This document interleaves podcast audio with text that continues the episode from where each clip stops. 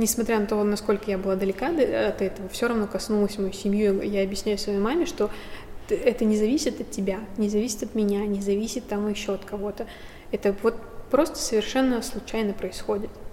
И, ну, то есть, но она не понимает, ей кажется, что вот я вот как раз своим веганством там провоцировала, феминизмом, то есть какими-то своими взглядами что-то кого-то на, на что-то провоцировала. Вот я говорю, ну я же вот сижу себе дома тихонечко со своим феминизмом, веганством там и анархизмом и никого не трогаю. Вот, просто общаюсь с определенным кругом людей, которые разделяют мои взгляды. Сложно сказать, но есть у нас тоже есть определенный слой анархистов, которые так же, как в Беларуси, находятся как бы можно сказать, в подполье, которые занимаются какими-то акциями прямого действия. А почему посадили не каких-то ярых Потому что их не нашли. Играли, потому что я забыла, там эта игра Страйкбол. Да, вот они вот эту игру играли. Аубит!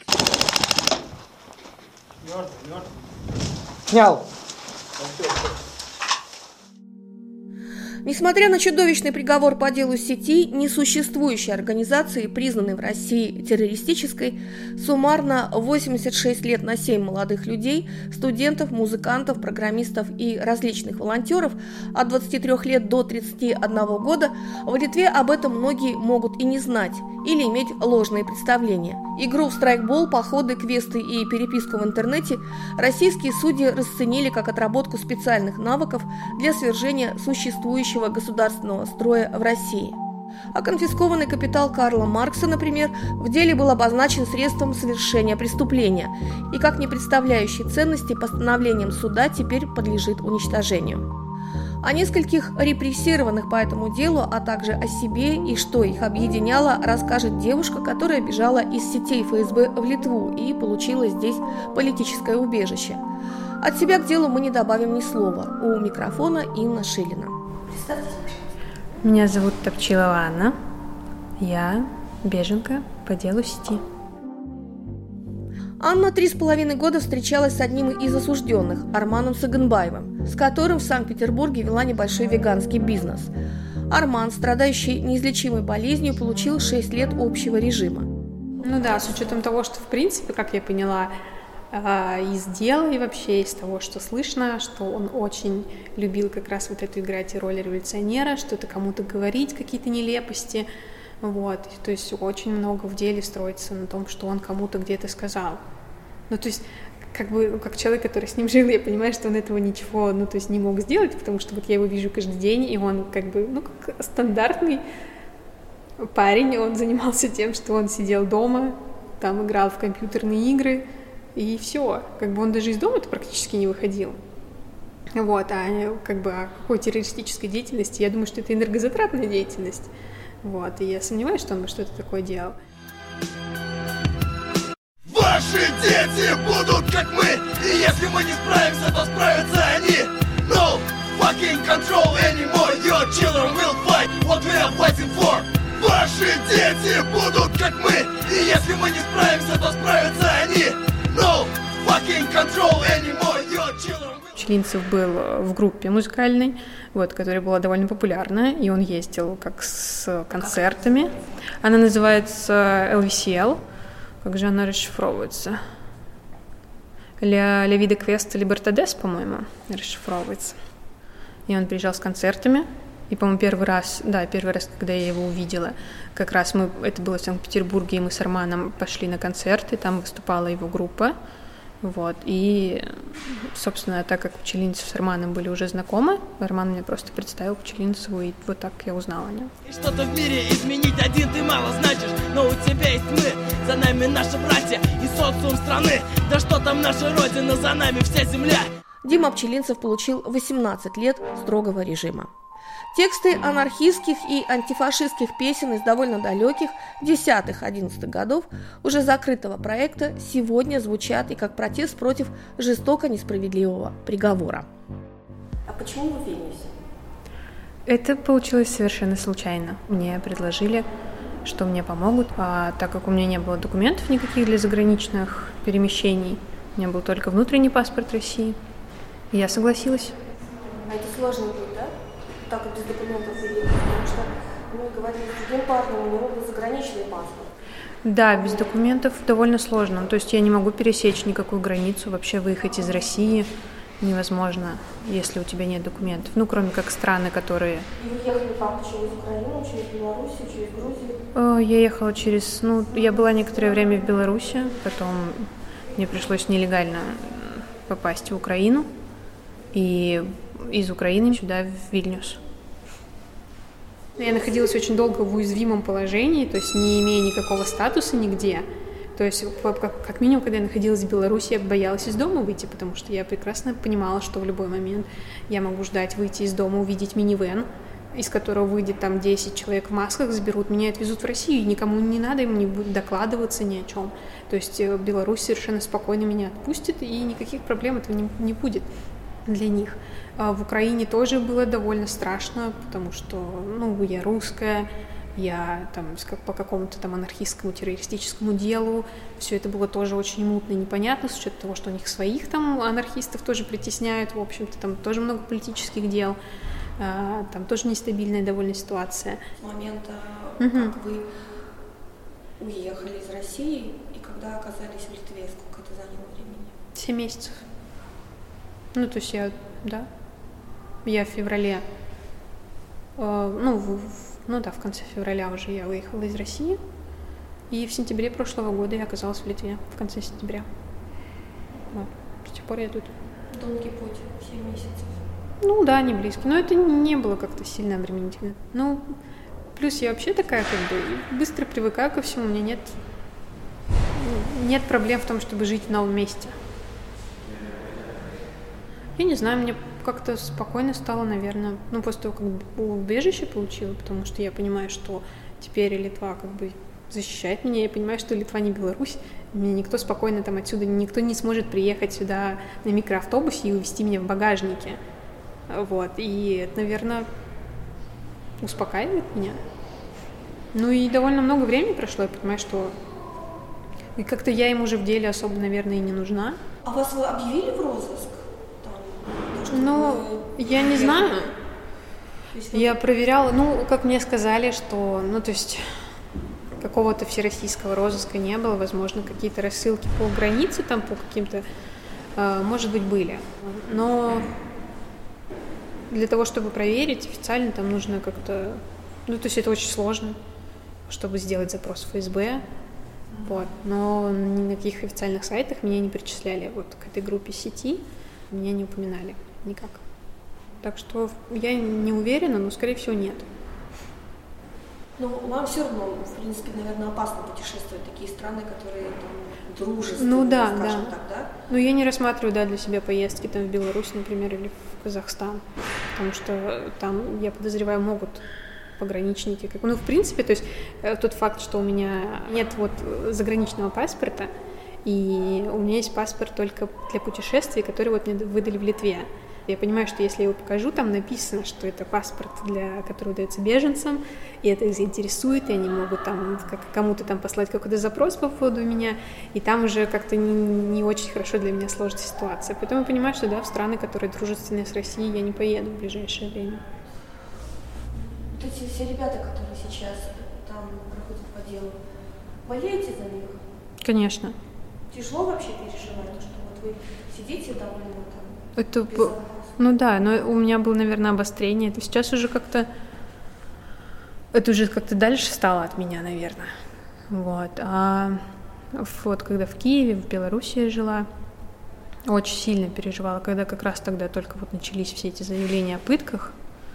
Вот, все, конечно, было очень сложно, когда ты понимаешь, что ты находишься в безопасности, ты там каждый день, не знаю, пошел, купил себе фруктов, там еще сладкого, что-то еще, что-то, и ты понимаешь, что человек лишен минимального комфорта, а находится в каких-то тяжелейших условиях в принципе, и плюс его еще пытают, а, психологически на него давят, то есть также пытают психологически и физически, и все это просто ни за что, и это человек, которого ты знаешь, то есть с которым ты разговаривал, там, не знаю, знаешь его любимые фильмы или еще что-нибудь вроде того. То есть вот это, конечно, было очень тяжело.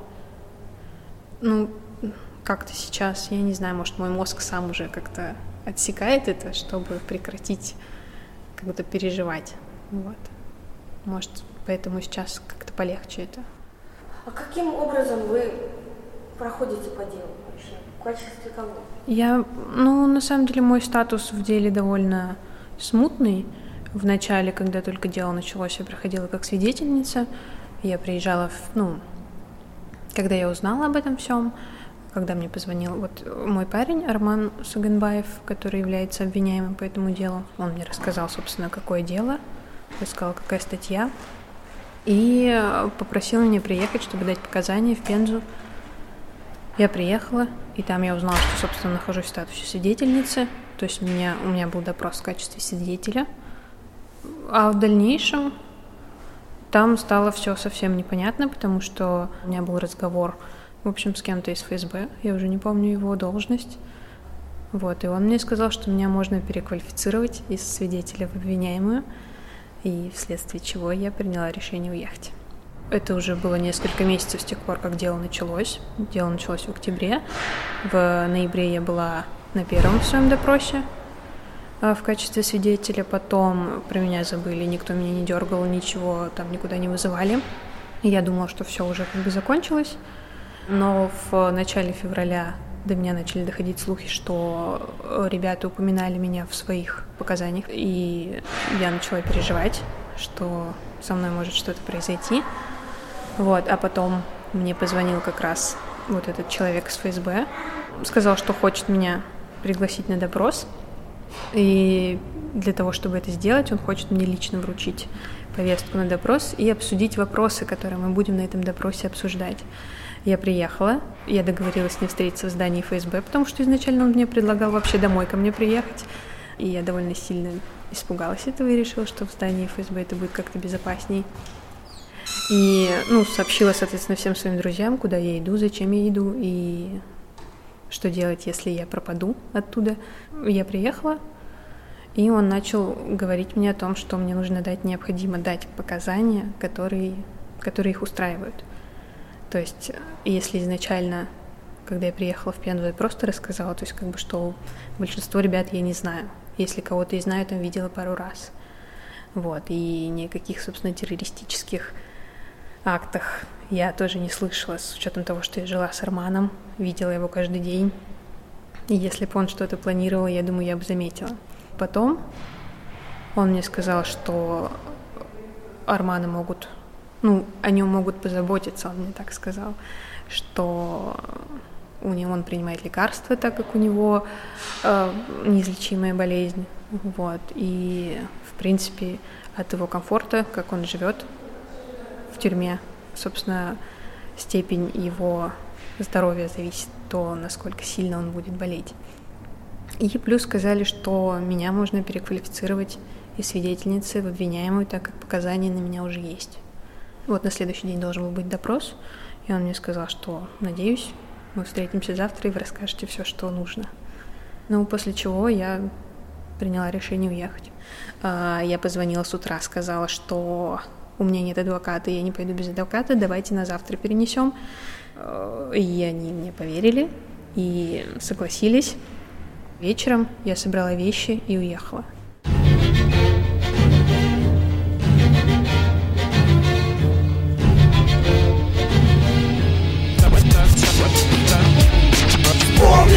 ты сделал свои годы Чтобы почувствовать запах свободы Проснулась восстание, народная сила А известно чьи-то показания на вас? Ну, в принципе, я вас знаю, чьи. это? Ну, удивил меня, наверное, только показания Романа, потому что я не ожидала этого. А, просто потому что он мне говорил лично, что он этого не делал. То есть, а так я понимаю, ребят пытали, им не то есть они не из какой-то там нелюбви ко мне это сделали. Там человек один, который дал на мне показания, мы даже с ним не знакомы. То есть он не мог сделать это из каких-то своих личных побуждений. Ему сказали это сделать, и он сделал. Зачем им это нужно? Не хотели побольше людей вовлечь? Я думаю, да, потому что изначально, в принципе, в этом деле было фигурировало не только Пенза и Санкт-Петербург. Они говорили и о Москве, о других городах в России, и даже Беларусь упоминали. То есть изначально это было огромное дело, должно было быть. Просто из-за того, что ребята начали говорить о пытках. Я думаю, оно схлопнулось, и они решили, что ну и двух достаточно. То есть хотя бы вот это доведем до конца. Пенза и Санкт-Петербург. Пенза и Санкт-Петербург, да. Такие названия звучат прям как-то так. Я просто читала, я просто думала, ну, такой ну, литератор хороший должен такое придумать. Знаете, самое забавное, что я читала у Достоевского, есть произведение, которое называется «Бесы», и там абсолютно идентичная история с анархистами. У них тоже была сеть по всем городам России, и они планировали революцию. Вот то же самое. Я просто думала, боже, кто-то что перечитал Достоевского, когда придумал этого дела, потому что там очень похоже все. Единственное, что я думаю, ну, кем это написано? Ну, ведь это же не пензенскими, или они там Достоевским увлекаются? Ну, говорят, ну, то есть точно-то я знать не могу, но говорят, что пензенские. Просто до этого всплывало, ну, то есть когда вот появилось дело сети, всплыло через какое-то время дело какого-то бизнесмена из Пензы, который упоминает прям этого же следователя, который ведет пензенское дело. И этот следователь э, вместе со своими вот товарищами из полиции, они преследовали этого бизнесмена, потому что он тогда занимался какими-то городскими еще делами финансовыми, там, не знаю, что это подрядчиком, может, каким-то был. Вот, и они хотели, значит, долю этого бизнеса, а он э, ни в какую. И в итоге они также, вот там то же самая история была с то, что его пытали током. Вот, он потом уехал в Англию, ну, в общем, там получил он беженство, и он уже там несколько лет живет. Но когда вот эта история с сетью появилась, он э, рассказал, что с ним происходило. В общем, возможно, что пензенские такие фантазеры. Но все-таки в двух словах, в чем, собственно, дело?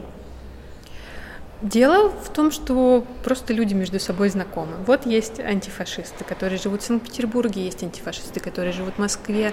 Ну, то есть это не просто антифашисты, они веганы, анархисты, то есть это пересекающиеся между собой субкультуры.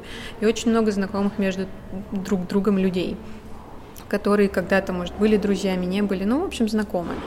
Вот. И, ну, то есть, почему именно на них завели дело, я не могу сказать. Я, ну, я думаю, что они случайно попавшиеся. Как, в принципе, в последнее время в России тебе не нужно быть кем-то особенным, чтобы попасть вот в эту машину репрессий. Тебе не нужно быть, там, не знаю, анархистом на баррикадах там, и кричать «Долой Путина».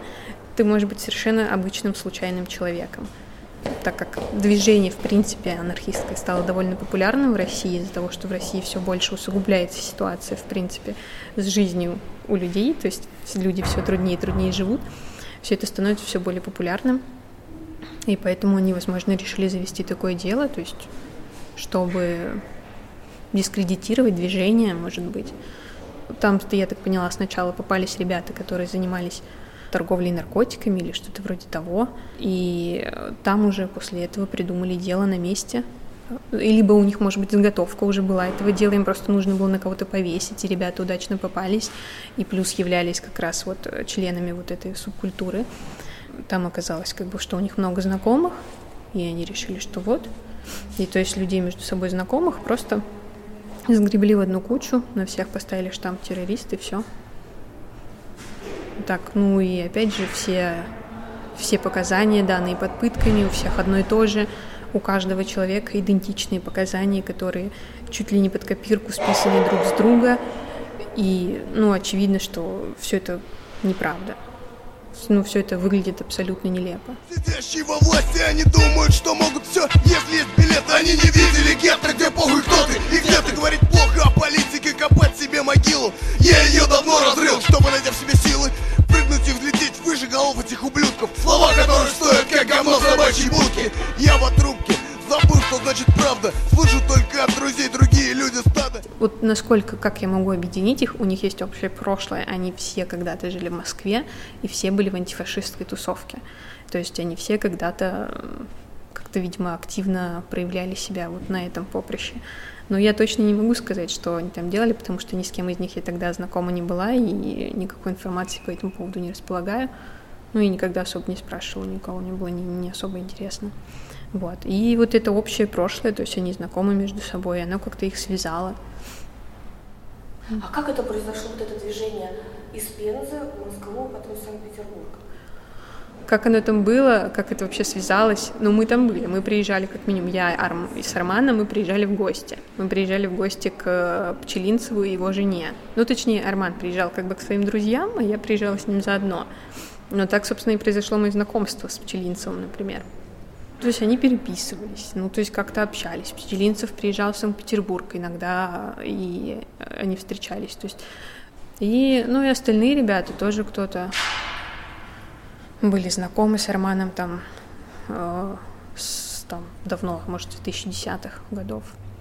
В Санкт-Петербурге, я не знаю, там вот Витя Филинков, э, он тоже был знаком с Арманом, но они были знакомы с Арманом с Новосибирска. Вот это наш родной город с Арманом. А Витя Филинков, он, по-моему, из Омска, если я не ошибаюсь. Омск тоже, можно сказать, недалеко от Новосибирска. И поэтому как-то Арман ездил в Омск, и там познакомился с Витей, потому что Витя тоже антифашист. И потом как-то они продолжали, наверное, общаться, и потом Витя Филинков переехал в Санкт-Петербург, и они продолжили общаться. В принципе, вот эти э, движения, как бы анархистское, антифашистское, веганское, оно между собой как бы все люди общаются, все как-то связаны между собой. То есть, несмотря на то, что вы там находитесь в разных городах, там в тысячи километрах друг от друга, вы можете общаться. Есть э, такое приложение, которое называется Jabber. Вот, оно а, шифрует сообщения, но это распространено, потому что мы живем в России, потому что мы знаем, что все читает ФСБ, потому что мы, ну, то есть каждый... То есть я иду за кефиром, ну, ты напишешь в Джабере, но это уже как бы подозрительно, да, да, да, потому что ты это написал через это, да. через шифрование. Ну, на самом деле большинство людей в России сейчас используют любые методы шифрования, то есть совершенно обычные, потому что они знают, что во-первых, потому что каждый хочет, чтобы его личная жизнь оставалась личной жизнью. Это, во-первых. Во-вторых, каждый хочет, чтобы, ну, как бы, чтобы ни у кого не было повода тебя посадить, то есть за какую-нибудь неуместную шутку. Поэтому понятное дело, что очень многие используют. Ну, кроме старшего поколения, конечно, но очень многие используют э, различные методы шифрования для общения, то есть какие-то мессенджеры, как Telegram, например, это же очень популярный мессенджер в России, он шифруется, и пропаганда на телевидении российском рассказывает, что этим пользуются террористы, они прям говорят, что Telegram это приложение для террористов. Вот, так что никакой особенной секретности там не было. То, что вот э, мне очень нравилось про то, что они говорят про а, то, что его звали Андрей, то, что он использовал это как позывной. Так вот, э, Андрей это было, ну, как бы просто имя, которое он использовал, потому что у него специфическое имя. Вот, и сам он азиатской внешности, и он подвергался расовой дискриминации. И он не хотел, чтобы это как-то влияло на его жизнь, поэтому использовал обычное имя Андрей. Ну, такое среднестатистическое русское имя. Он представлялся везде Андрей, то есть изначально я его знала как Андрей, то есть он мне только через некоторое время сказал, что на самом деле его зовут не так.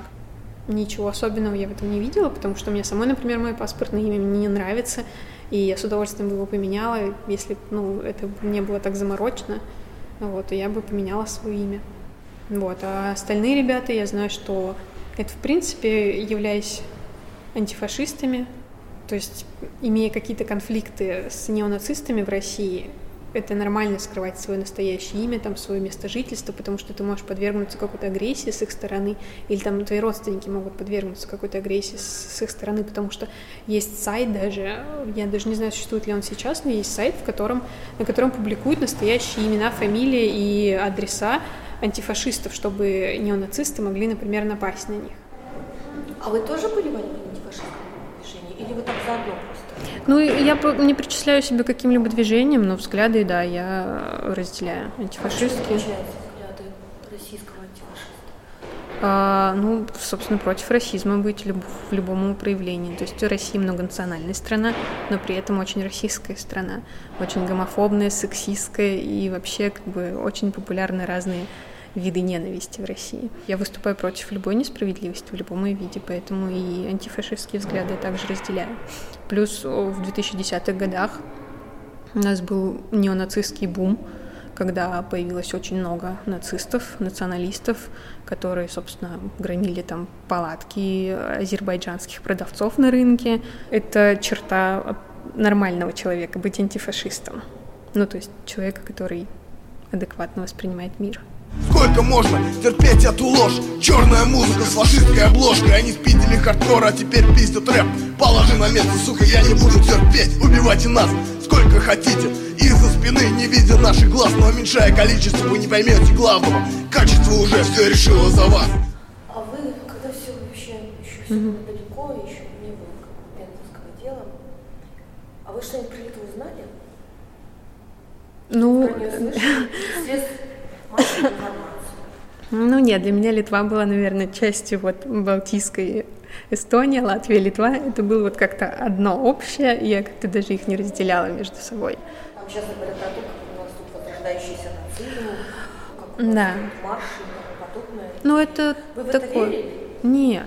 Ну то есть это- э, то же самое говорят же и про Украину. Про- Ну то есть в принципе в Украине, конечно, сейчас довольно популярно вот это националистское движение, вот, но сказать, что все украинцы фашисты и хотят, не знаю, убить всех русских, ну то есть это бред. И, ну, и про Литву, про Латвию, Эстонию, да, я слышала про то, что тут очень русофобские настроения. Но нет, я в это никогда не верила. И вот вы приехали в Литву, и насколько оправдались ваши ожидания по поводу... Не оправдались, а оправдались те разговоры, скажем так. А. Я ничего не встречала подобного. Ну, то есть со мной никогда никаких проблем не было у меня, связанных с русофобией.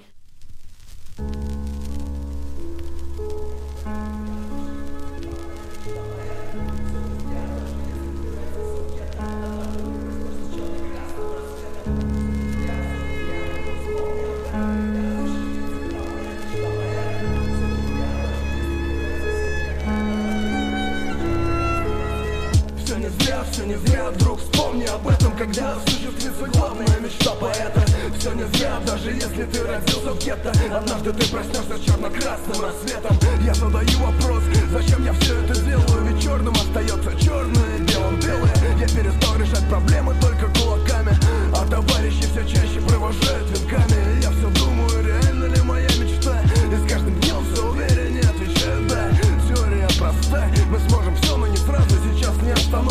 потом Первый раз с Анной мы встретились еще до объявления приговора в фойе «Титаника». Второй после, в одном из вильнюсских кафе. Я не знаю всех ребят, я знаю, то есть там буквально двух-трех человек. То есть я знаю, например, Виктора Филинкова, это в Санкт-Петербурге у него дело, и пока еще суда по нему не было. И, ну, то есть я знаю, что вот он прям анархист серьезный, прям он прям серьезно к этому относится. То есть он и занимался чем-то, каким-то своим личным анархизмом, можно так сказать. То есть он там... Ну, он программист, занимался свободным вот программным обеспечением, вот что-то вот в этой теме он очень сильно любил. А насчет остальных, ну, Арман, ну, я не знаю. То есть, как бы, он всегда был довольно мутный в этом вопросе. А еще я знаю, ну, Пчелинцеву, но с Пчелинцевым виделась буквально пару раз, и как-то сложно вынести свое мнение на этот счет и там из пары раз. Вот не знаю, может и искренне у него убеждения, может и нет. Ну, в общем, ну, я предполагаю, что ребята какие-то из них там были действительно искренние анархисты, которые в это верили. Ну, вот, например, Шакурский, мне кажется, он прям такой, прям анархист. Но это не то, кто бежит поджигать, взрывать и тому подобное. Что Ну да, анархизм да. это может быть просто стиль жизни, когда Да, ты ну, то есть это стараешься жить вне институции, меньше Да. пускать в свою, в свою жизнь. И, в принципе, не обязательно анархист тот, который, который читал Бакунина, а который просто живет очень свободной жизнью и Да. старается как бы ну, Да. отстраняться там, да, от каких-то институтов. Да, Да? да, вот абсолютно, да, так. Ну, то есть, да, ну и как бы он, это же не всегда должны быть какие-то акции насильственного действия, то есть он участвовал в акциях, например, Шакурский, он прям постоянно во всех рассказах о Шакурском рассказывается о том, как он был активный против там засорения своего какого-то родного города или поселка, по-моему, он жил. Вот, там еще что-то, какие-то помощь бездомным, ну, то есть вот какие-то такие акции более более миролюбивого характера, но анархистский при этом. То есть максимальное поддерживание анархистского образа жизни. Ну, я думаю, что они искренние, просто если говорить о том, почему не посадили, посадили, не посадили тех, кто в подполье, а посадили именно тех, кто на виду, ну, потому что тех, кто в подполье, как бы... Да, потому Да, ну потому что, ну, в принципе, они как бы громко заявляют о себе как анархистах, антифашистах, то есть они были известны, вот, и на них можно там наклепать фильм, где они будут бегать со страйкбольными автоматами. Когда я один раз приезжал в Пензу, у нас был эм, вот этот поход, и я там пошла с ними, вот это, ну, тогда не страйкбол был, тогда, ну, что-то около того, то есть они что-то там такое делали, там жгли костер, вот, и как бы я пошла просто потому, что меня позвали. Я думала, это будет весело и интересно, но они очень серьезно этим так занялись, да. И я такая уже, ну, нет. Серьезно, в смысле? Ну, в смысле, я думала, что это будет просто веселый какой-то поход. А для них это то есть, было, ну то есть они регулярно же это делали, для них это было серьезное занятие. Вот эта игра страйкбол, да, вот это все это было для них серьезным вопросом. А я как бы глупостями со своими пришла, типа ничего делать на самом деле не хотела, хотела там по, по лесу гулять просто. Что-то там во что-то играли они, и как бы я вроде как должна была изображать из себя медсестру. Но я не смогла изображать из себя медсестру. Но там вот как-то тоже, это было, это у меня тоже было на допросе, когда меня спрашивали про это, и там очень сильно напирали на, на то, что вот тогда там был Пчелинцев, по-моему, был второй раз, когда я видела Пчелинцева, вот, они напирали на то, что вот скажи, что он лидер. Я говорю, я его первый раз, ну, то второй раз видела, как бы, что я могу вообще про него сказать? Ну, не знаю, просто обычный парень. Вот нет, скажи, что он лидер, скажи, что у него лидерские качества. Я говорю, я не знаю его. Я видела два раза его. Какие качества, откуда мне знать? О чем ты с ним разговаривал? Говорю, да ни о чем не разговаривала, просто рядом стояла.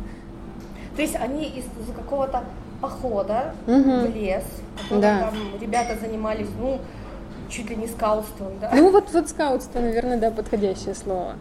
Ну, ну, как бы, ну, да, ну, так как я привлеклась как свидетельница, и как бы они, получается, уже ребята до этого рассказывали, то есть, видимо, не знаю, кто из них обронил, как бы, что я приезжала, вот, с Арманом. Может, Арман сам сказал об этом. Вот. И э, дальше, как, когда я уже пришла, они конкретно начали спрашивать про этот поход. То есть у них тоже, они же следили, у них были фотографии. Вот, то есть вот скажи, что... Э, то есть они следили уже? Да, на тот момент они следили за ними. То есть когда я приезжала, э, потому что, ну, они мне говорили, что вот фотография есть твоя, вот, ты будешь тоже там же, вот. А, ну, как бы и все, ну, как бы я рассказала, что это был просто поход, ну, как бы игра в зорницу. Вот, ну, как говорю, как бы, ну, на тот момент я находилась в шоке и не совсем понимала, что происходит. И говорю, ну, вот вроде в зорницу играли, то есть я что-то такое помню, больше ничего, как бы, другого я не помню.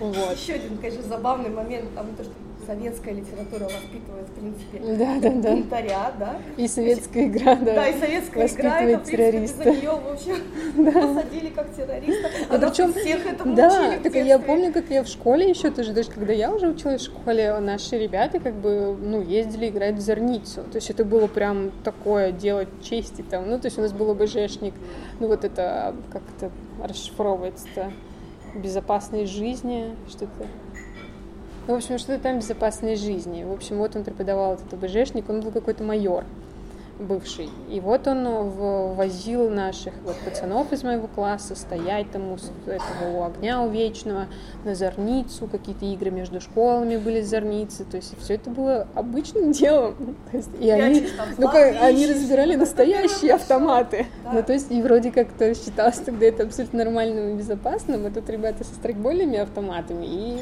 уже террористы. Представляют опасность. Ну да, да. Атас! Окно напротив.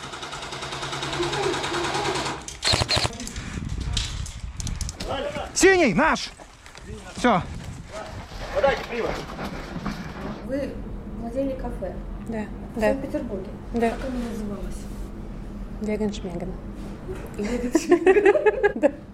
На какой улице? По-моему, это была десятая советская, что ли. Там в Санкт-Петербурге есть несколько советских улиц, и они нумеруются. Первая советская, вторая. По-моему, было то ли на десятой советской, то ли на девятой. А где это вообще? В каком это районе? Это недалеко от центра, рядом с метро Площадь Восстания. То есть это прям центр, начало Невского проспекта. Вот прям практически в центре. Угу. А сколько столиков было? На самом деле был только один столик, это было буквально практически, чаще всего это был на вынос. Это был лофт, и под нами был бар, и в этом баре однажды произошел пожар, когда нас не было, и, собственно, кафе сгорело.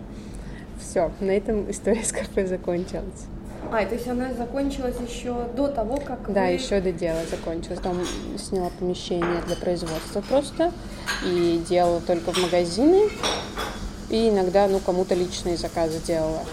А потом стала делать дома. А какое у вас было меню?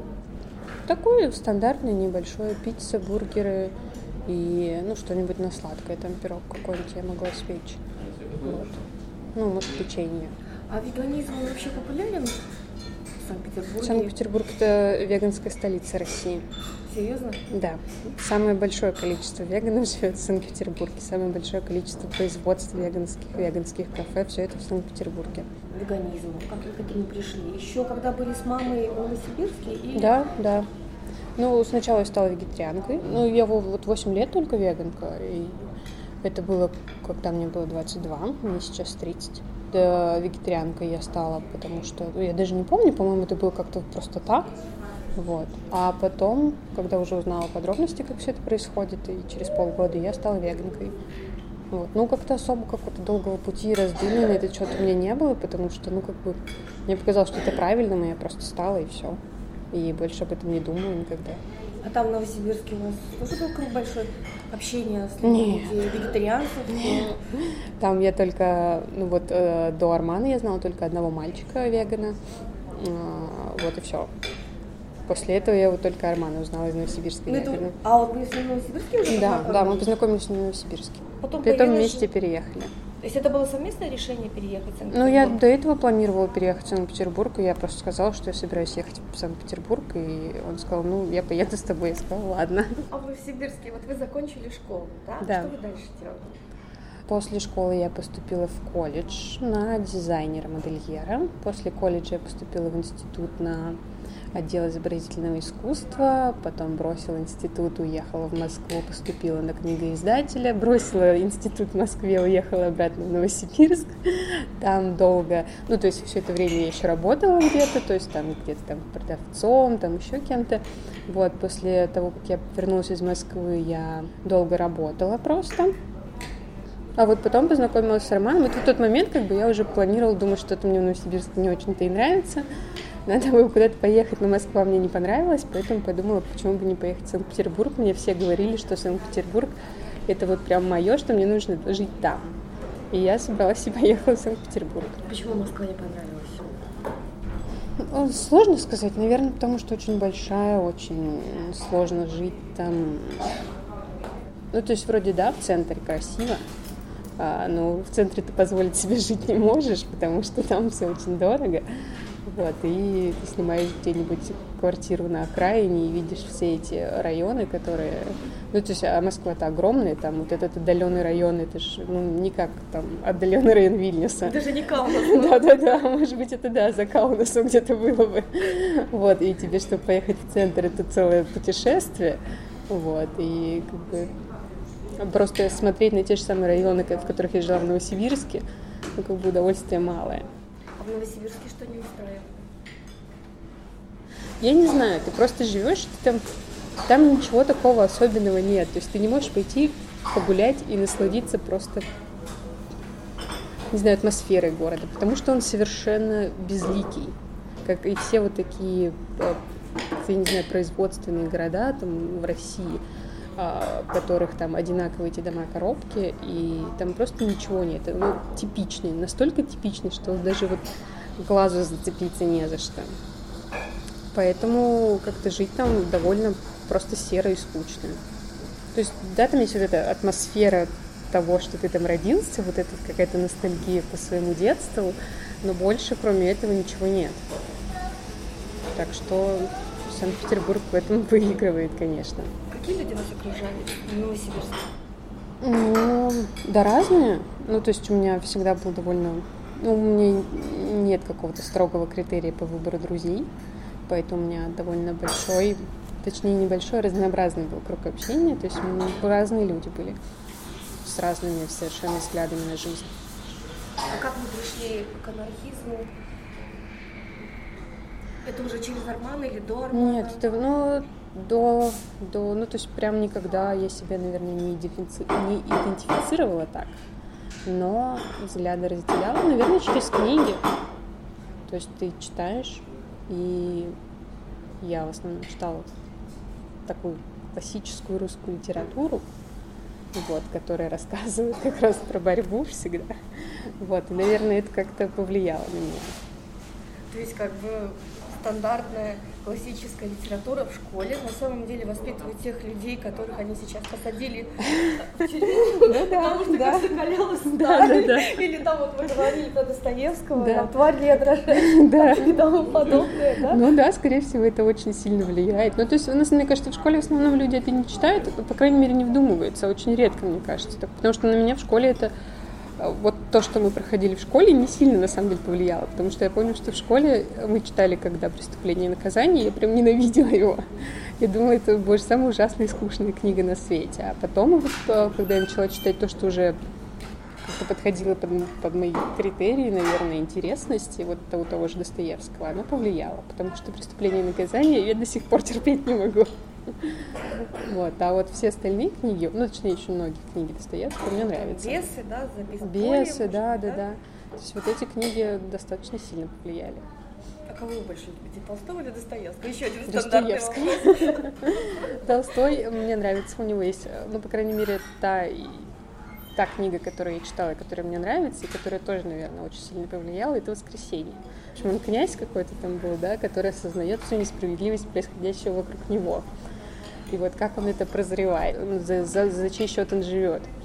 Вот, оно, вот женские персонажи у Толстого меня очень сильно раздражают, поэтому мне очень сложно его читать. А читали что-то там, не знаю, из идеологов каких-то, из философов, не а, знаю? Ну, я пыталась, но как-то оно не сильно меня цепляет. Мне, мне кажется, что они какие-то очевидные вещи рассказывают. И, то есть... Ну, например, кто это? А, ну, я не знаю, Бакунин какой-нибудь. То есть, ну, вроде как бы типично. То есть, как-то, когда тебе указывают на довольно очевидную несправедливость, которая происходит в мире. Ну, то есть, если ты уже ее знаешь, что она происходит, как когда тебе кто-то объясняет заново, как-то это скучно читать. Вот, потому что я не знаю. Может быть, стоило, может быть, я когда-нибудь прочитаю, дойду до этого. Но мне нравится читать их биографии. Биографии у них интересные. А вот скажите, а вот после всех вот этих событий ну, когда началось дело сети, да, и угу. потом вы оттуда уехали, вы политикой больше стали интересоваться? Или все равно она как-то так? Наверное, примерно на том же уровне. То есть я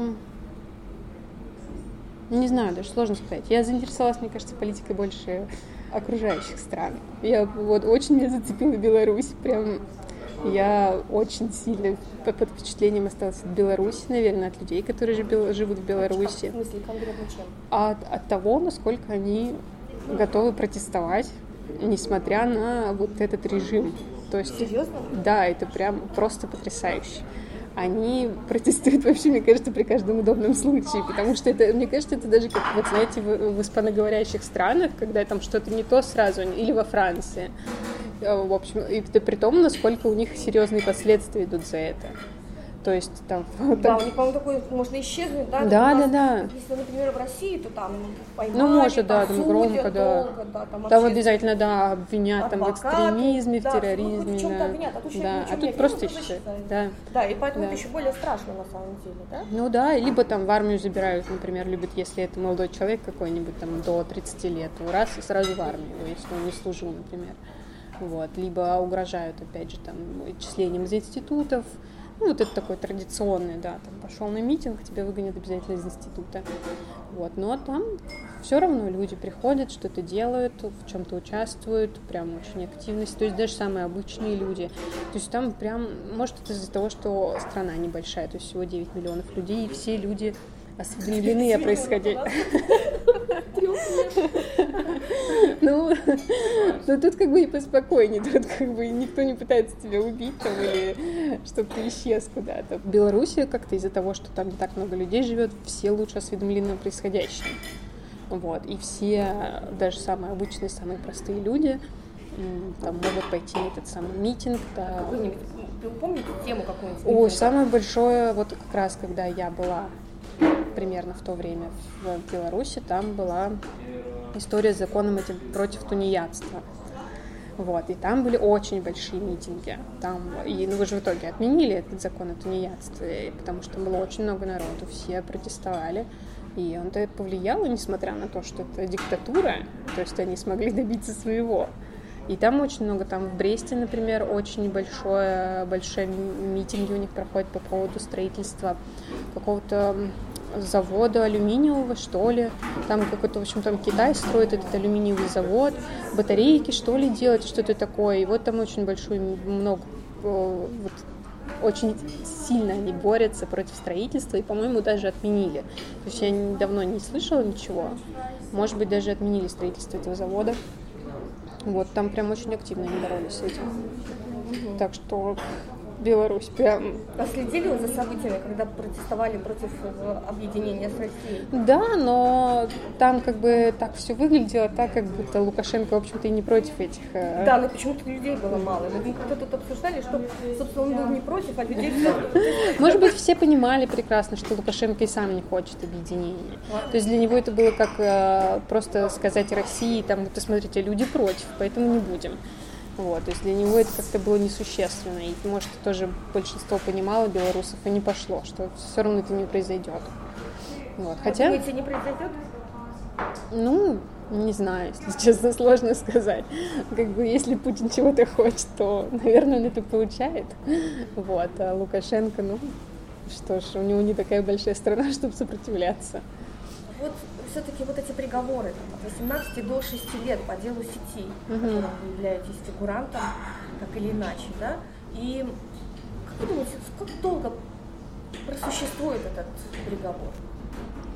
Ну, я не верю в, вот в то, что... Ну, то есть, конечно, когда вот 10 февраля был вынесен приговор, до 10 февраля, наверное, еще была какая-то надежда на то, что настолько это все глупо выглядит, что они отпустят их ну, то есть, либо дадут какие-то мизерные сроки, там, не знаю, за, ну, там, за продажу наркотиков, например, то есть, это же есть в деле, вот, а, но после того, как они вынесли приговор, я уже не думаю, что они что-то там отменят, потому что какая им разница, в общем-то, до всех этих протестов, ну, то есть, как это повлияет на них, то есть, на систему, в принципе, почему они должны отпустить, то есть, не думаю, что это как-то изменится, то есть, я предполагаю возможно, амнистию после, например, смены режима. Там, даже если это будет официальная смена режима, да, то есть Путин сам кого-то позволит кому-то стать президентом после него, после этого, может быть, будет какая-то амнистия, но не факт. Чисто, как обычно это делает, там, с барского плеча, там, разрешаю вам, пожалуйста. Вот, то есть чисто для образа доброго царя. А вот эти все протесты, которые сейчас там происходят, пикеты, одиночные. Так они и раньше были. Вот, ну, да. коллективное письмо ученых тоже. Ну, да какая разница Путину до этих ученых? Ну, то есть, что они ему могут сделать? Ну, что они... Все, что они могут сделать, это уехать из России и там делать какие-то научные достижения в других странах. Я не думаю, что это как-то повлияет. А одиночные пикеты, так они уже два года одиночные пикеты эти стоят. И никак это не влияет. Ну, тут статья-то такая серьезная, насколько они будут, ну, то есть им нужно будет признать свою очевидную некомпетентность и глупость, сказав, что, знаете, мы вот два года говорили, что они террористы, и вот мы нашли вот столько доказательств, что они террористы, но сейчас подумали, решили, что нет, не террористы. Вы и допускаете смену власти в том случае, что если Путин просто, ну, просто решит новый поворот своей биографии, да? Ну, а в случае, например, какого-то насильственного Нет, я это строя, тоже допускаю. Ну, то есть я допускаю Но, вариант и, развития по украинскому, да, типу. То есть что что-то произойдет такое. Но это не анархисты, скорее всего, расшатают российские основы. Ну, как бы в том числе, и анархисты. Почему бы нет? А они же ходят. анархисты в России? Потому что я вот слышала, что вот в Беларуси анархисты, они такие. Ой, ты там прям, да. Там, даже не знаю сейчас какое слово подобрать, да? Что, суровые ребята. Суровые ребята, да. Они готовы и сидеть, да, и, да. и рисковать. И... Насколько в России готовы сидеть и рисковать, не знаю. То есть Выключи ящик и не ведись на вранье Что ты видишь, когда пробили куранты? Причину, по которой сидят демонстранты Мирной акции, борьбы за ваши жизни. Но то не ваше дело, бокал вина плесни. Ты, я смотрю, все такой же послушный. Из мозга выбросим год, посредством выпитого дружно. Встретим новый пиздец и примем радушно. Как же ты не понял, им только это и нужно. И прежде всего, я хочу поблагодарить вас за то, что мы вместе умеем держать удар. И преодолевать трудности. А значит, будем двигаться вперед. Создавать сильное и современное государство. Устойчивую и умную экономику. Делать все, чтобы жизнь каждого человека стала комфортной и безопасной. В ноябре 2019 года шесть девушек публично заявили об абьюзивных отношениях с одним из фигурантов по делу сети – Арманом Саганбаевым. Они создали специальную страницу в интернете, где рассказали свои истории. В его адрес прозвучали обвинения в насилии, сексе с несовершеннолетней, сокрытии ВИЧ положительного статуса и случаях инфицирования. О заражении вирусом заявили три из шести девушек. Анна долго боялась пройти тест, но в итоге он оказался отрицательным. Инициатором публикации выступила Яна Исхаки, которая начала писать Арману в СИЗО, чтобы так поддержать фигуранта политического дела – Доверительная переписка со временем закончилась предложением Армана выйти за него замуж. Примерно тогда девушки и узнали о существовании друг друга. Вы дали одно очень тяжелое интервью по поводу да. Армана. Да. Вы... Я даже не знаю, как на эту тему поговорить, вот. но сколько времени вы были Три с половиной года. Три с половиной года, довольно большой Да. Я, я просто подумала, о чем я подумала, когда я его читала. Во-первых, конечно, вот этот вот, вот эта дилемма, когда ты понимаешь, что человек приходит по такому выдуманному политическому угу. делу, и все, что ты скажешь о нем может повлиять, да. ключе, и это все, конечно, как бы влияет на него, и как бы и тебя могут обвинить в том, что ты оказываешь дополнительное давление на человека, что ты его как бы тоже обвиняешь, mm-hmm. тоже в чем его обвиняют власти. Конечно, я читала эти комментарии, где говорят о том, что это вброс ФСБ, где говорят о том, что вот мы собрались там девочки и зачем-то начали травить его. Это не так. Я, ну, то есть я знаю свою правду, я знаю, что, почему я это сделала, я знаю, что я хотела получить от этого. И для меня не имеет, наверное, никакого значения, как к этому отнесутся какие-то люди в интернете. Что вы хотели от этого? Я хотела, чтобы он больше такого не делал. Точнее, я хотела, то есть я понимаю, что я не могу следить же за ним всю жизнь и контролировать, что он там будет делать. Я просто хочу дать максимальную возможность девушкам быть предупрежденными о том, что он может сделать. Потому что я знаю, что если бы меня в свое время предупредили, если бы я в свое время знала то, что знают теперь другие люди, я бы ну, в жизни с ним не... даже знакомиться бы с ним не стала. Вот. Не то, что уж там общаться и там встречаться. Вот. И для меня это важно, потому что вся эта история, в принципе, повторно началась. То есть она уже была с другой девушкой, с которой он встречался три года, мы общаемся и общались. Ну, то есть мы познакомились как раз после того, как это дело началось. И мы сразу же, когда рассказали друг другу наши истории, и когда узнали еще истории других девушек, мы приняли решение, что нужно как-то как-то предупредить других людей, и, но мы тогда использовали, наверное, менее громкий способ. Это была тогда закрытая группа для веганок, вот, которые, собственно, находятся в этом движении, в этой субкультуре, и нам казалось на тот момент, что этого хватит, вот, что как бы мы предупредили тех людей, которые могут быть заинтересованы в этом. Но оказалось, вот когда Ясно мне написала, в сентябре, наверное, да, это было, она мне написала о том, что вот а, она с ним переписывалась, и о том, что потом ей сказали, что у него ВИЧ, вот, и предупредили о том, что он не, не хороший человек, вот, и она нашла вот эту группу, прочитала наши истории, после этого написала нам и сказала, что с ней вот такая история произошла. И я, ну, как бы я думала о том, что такое может быть. Вот, что может быть, когда-нибудь он с кем-то вступит в переписку. И на тот момент мне казалось, что ну, то есть вот ладно, вот он со мной так себя вел. Но я думала, что с другими он по-другому, что он не, не сможет повторить этого, что он не будет делать то же самое. И когда ясно мне написала, я поняла, что это все будет повторяться. Ну, как бы для меня стало понятно, что нужно что-то делать. Даже если это повлечет какую-то ненависть со стороны людей в интернете там, или ненависть со стороны его родственников, там, его мамы и кого-то еще. Ну, да. Ну, то есть, когда мы с ним встречались, она знала, ну, то есть, я как-то официальная была невеста даже, вот, то есть он планировал там жениться, еще что-то, Вот, и я постоянно с ней поддерживала контакт. И особенно после того, как это дело началось, э, мы, ну, регулярно общались. Когда я все это узнала, я спросила у нее, она сказала, что ну, там очень все было неприятно, и в итоге она мне написала, что мы сами все во всем, во всем виноваты сами, что никто вас не заставлял. Ну, то есть я понимаю, это ее сын. Он предупреждает о том, что у него ВИЧ, но он также сообщает о том, что от него невозможно заразиться. И ты в тот момент как бы Плюс, в общем, вся вот эта ситуация, когда ты с ним общаешься, он же умеет морально надавить на тебя, обставить так все, как будто он жертва всего, вот всего мира, что весь мир против него, и ты одна как бы на его стороне. Вот.